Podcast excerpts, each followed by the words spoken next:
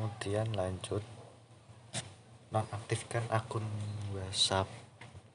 Jika akun WhatsApp telah diretas ataupun dihack nonaktifkan akun untuk memasukkan tidak ada yang menggunakan akun WhatsApp ataupun menyalahgunakan untuk hal yang tidak baik yaitu dengan cara mengirim mengi, mengirim email ke dukungan WhatsApp di support@whatsapp.com dengan frasa hilang garis yang dicuri. Kemudian silakan aktifkan akun saya di bagian email seperti ditulis di intinya today.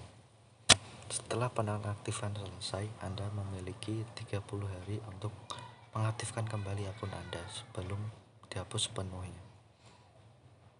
Itulah ciri-ciri WhatsApp disadap orang lain dan cara mengantisipasinya melalui cara-cara tersebut diharapkan pengguna pesan instan WhatsApp lebih waspada